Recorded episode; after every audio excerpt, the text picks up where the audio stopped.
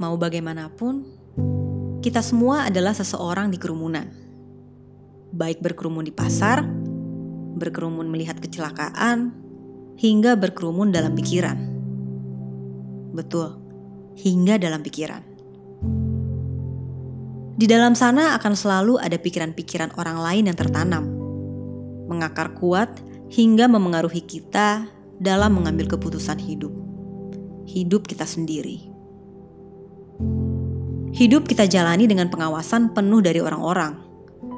Nilai-nilai dan standar-standar kehidupan lain yang bahkan mungkin tak kita sepakati hadir layaknya CCTV yang mengintai gerak-gerik di setiap langkahnya. Bahkan saat sendirian, ketika sebenarnya tak ada apa pun atau siapa pun di sana. Seperti saat kamu bersiap akan pergi ke suatu tempat. Hal pertama yang kamu pikirkan mungkin tentang akankah pakaian yang kamu kenakan terlihat pantas atau tidak. Jika kamu sedang berdandan, mungkin kamu akan berpikir apakah riasan wajahmu terlalu tebal? Apakah perona wajah yang kamu sapu di pipimu itu terlalu meriah? Kita sudah memikirkan kemungkinan penghakiman orang lain akan diri kita. Seakan-akan kita melihat hidup lewat mata mereka ketika kita punya mata kita sendiri. Ketika kita punya penilaian sendiri. Ketika kita punya hidup kita sendiri.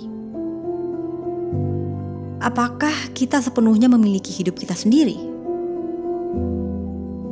aku teringat hal-hal yang dulu muncul sebagai gurauan.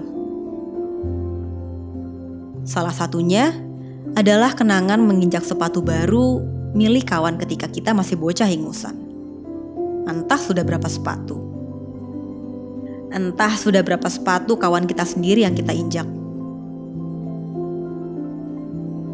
Kini ketika kita dewasa, entah pula sudah berapa kali kita terinjak dan menginjak. Saat kita selalu berada dalam kerumunan, kita mulai mewajarkan kegiatan injak-menginjak ini. Selalu ada yang diinjak di sana. Jika kamu tak ingin terinjak, salah satunya cara adalah dengan berada di tengah kerumunan. Sayangnya, jika kamu berada di tengah kerumunan, kamu mendapatkan tatapan semua orang. Kita selalu tahu bahwa ada seseorang di tengah kerumunan itu yang tak ikut tertawa. Apakah kita sepenuhnya memiliki hidup kita sendiri? Apakah kita sudah terlalu terbiasa untuk saling menginjak sejak kecil?